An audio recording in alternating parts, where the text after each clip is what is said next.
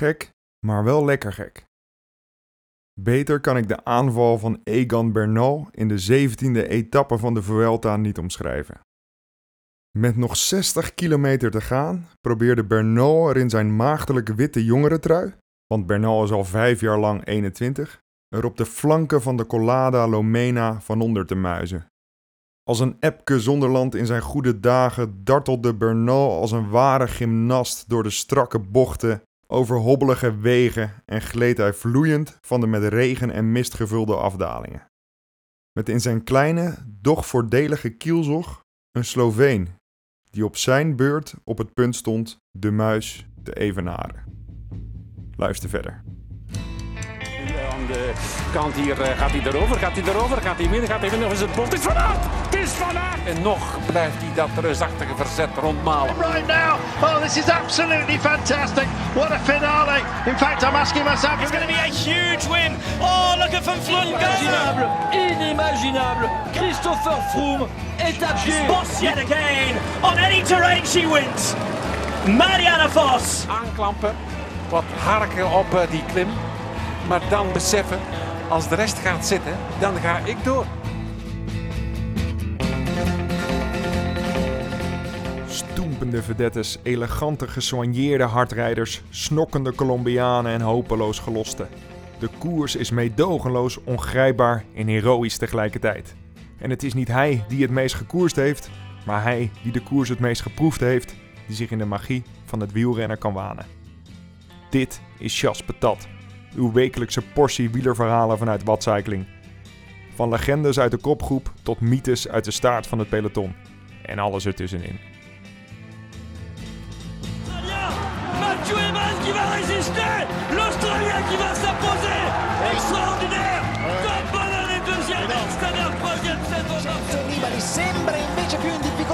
Alejandro Valverde si muove Porta l'azione dunque Nibali Mathieu van der Poel's going to do it! Mathieu van der Poel! This is incredible! I have never, ever seen anything like this in my life! De muis met hooikoorts. Iedere keer als Bernal schakelde, remde, minimaal accelereerde uit een bocht of met zijn handen van de shifters naar de beugels ging, keek en volgde Roglic. De Sloveense schaduw van de Colombiaanse hoop wachtte op zijn moment.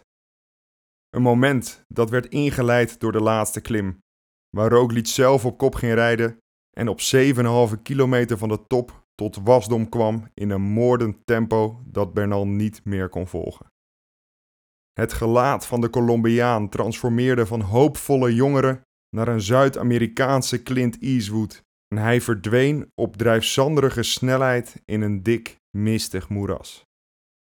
Een moeras waarin hij werd bijgehaald en opgeslokt door een groepje favorieten die uiteindelijk Roglic ook weer tegen zouden komen. Op het moment dat Sepp Koes en Superman Lopez sprinten om een tweede plek, reed Roglic namelijk alweer naar beneden richting de teambus onderaan de berg. Met een gat van bijna twee minuten op zijn naaste belagers lijkt de voormalig schansspringer hier een belangrijke jump te hebben gemaakt richting de eindzege. Zijn derde op rij wel te verstaan. Een knap kunstig staaltje, wat één of eigenlijk anderhalf keer eerder is vertoond.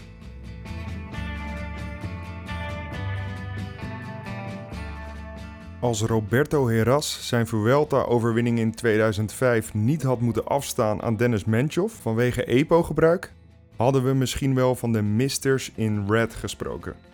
Maar nu is de Zwitser Tony Reuminger de enige echte Mr. Vuelta.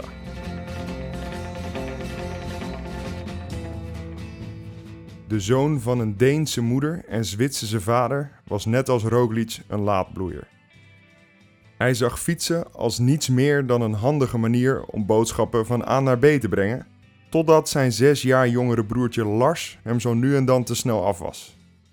Deze broederlijke strijd zette aan tot wat serieuzer gaan trainen, lid worden van een wielervereniging, om uiteindelijk in 1986 op zijn 25ste prof te worden.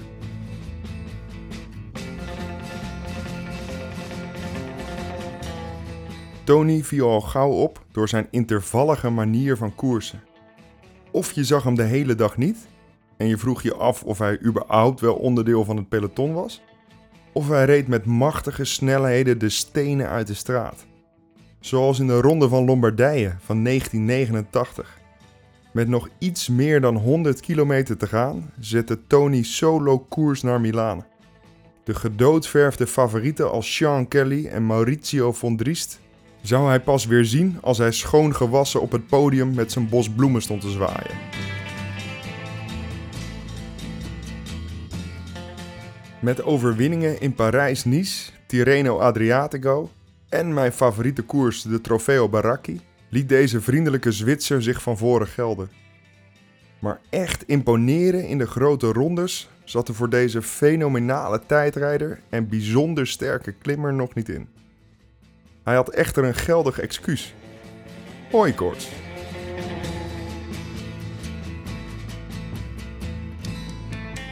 Zodra de eerste liefdevolle lentegeuren zich aan de wereld openbaarden, waren het de ogen van Tony die rood aanliepen en juist sloten. Tel daarbij dichtslippende neusgaten van een spits neusje en wat opgezwollen lippen bij op. En de muis kwam al gauw zonder afdoende zuurstof te zitten. De Angliru, Stelvio of Tourmalet oprijden met het gevoel van 10 kilo gesmolten Zwitserse kaas in de longen, komt de spieren dan uh, doorgaans niet ten goede. Het was volgens de betrokken artsen een kwestie van hopen op slecht weer en wachten op vader de tijd. Met het loze idee dat zulke allergieën vaak minder heftig worden naarmate iemand de 30 levensjaren is gepasseerd. Op zoek gaan naar het break-even point tussen optimale fitheid als renner en leeftijd waarop hooikoorts hopelijk overwonnen kon worden, was onze Zwitser een iets te grote gok. En Alejandro Valverde opeten als ultiem overjarig hooikoortsmiddel zag hij ook niet zo zitten. De carrière van Tony Reuminger leek daarmee in het snot te lopen tot het voorjaar van 1992.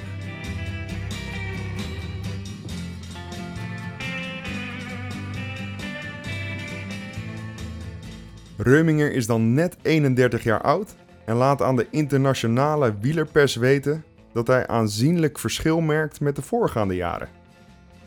Speciale injecties gedurende de wintermaanden en een aangepast dieet, rijk aan hopscheuten, zouden een uiterst positieve werking hebben gehad op Reumingers allergieklachten. Vele jaren later zou blijken dat deze injecties veelal afkomstig waren uit het fietsenschuurtje van de beroemde en beruchte Italiaanse arts Michele Ferrari. Wonderdokter en dus ook hooikoortsbestrijder.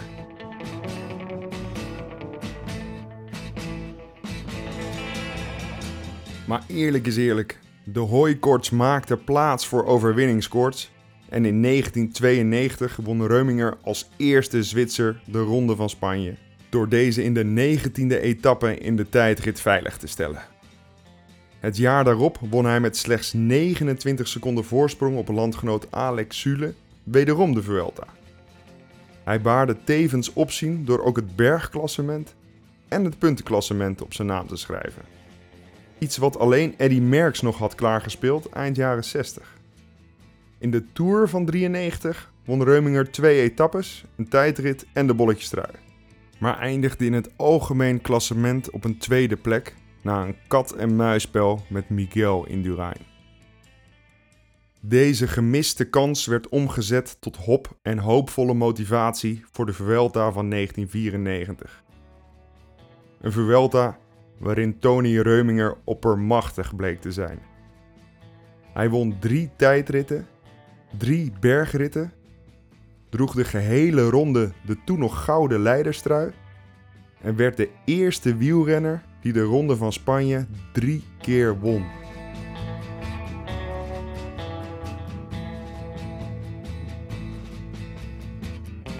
Iets waar Primoz Roglic ook hard en in hoge cadans naar onderweg lijkt te zijn.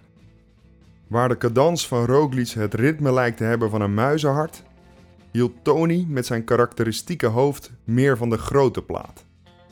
In 1994 zou hij ook nog het werelduurrecord van Indurain verbreken op een Colnago-fiets die Russische tijdrijders gebruikten tijdens de 100 kilometer tijdrit van de Olympische Spelen van Moskou in 1980. En deze fiets werd, met behulp wederom van Michele Ferrari, afgemonteerd met een verzet van 60-14.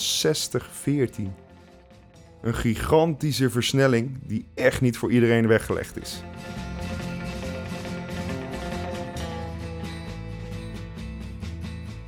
Maar ja, uiteindelijk rijdt iedereen zijn eigen koers en lijkt voortgang geen vast verzet te kennen.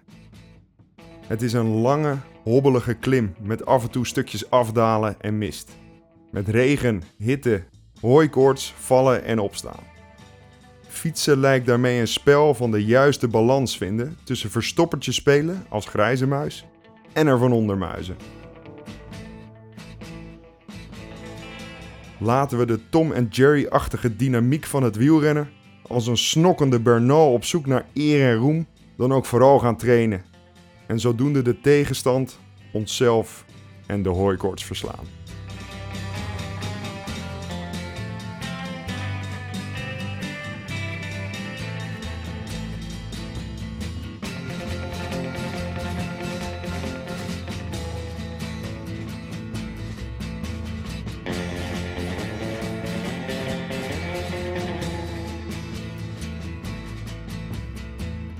Bedankt voor het luisteren naar Chas Patat.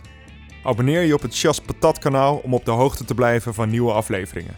En het helpt ons ook weer om gevonden te worden door nieuwe luisteraars. Lees je liever zelf? Ga dan naar watcycling.nl slash chas patat. Want het is de streep die telt.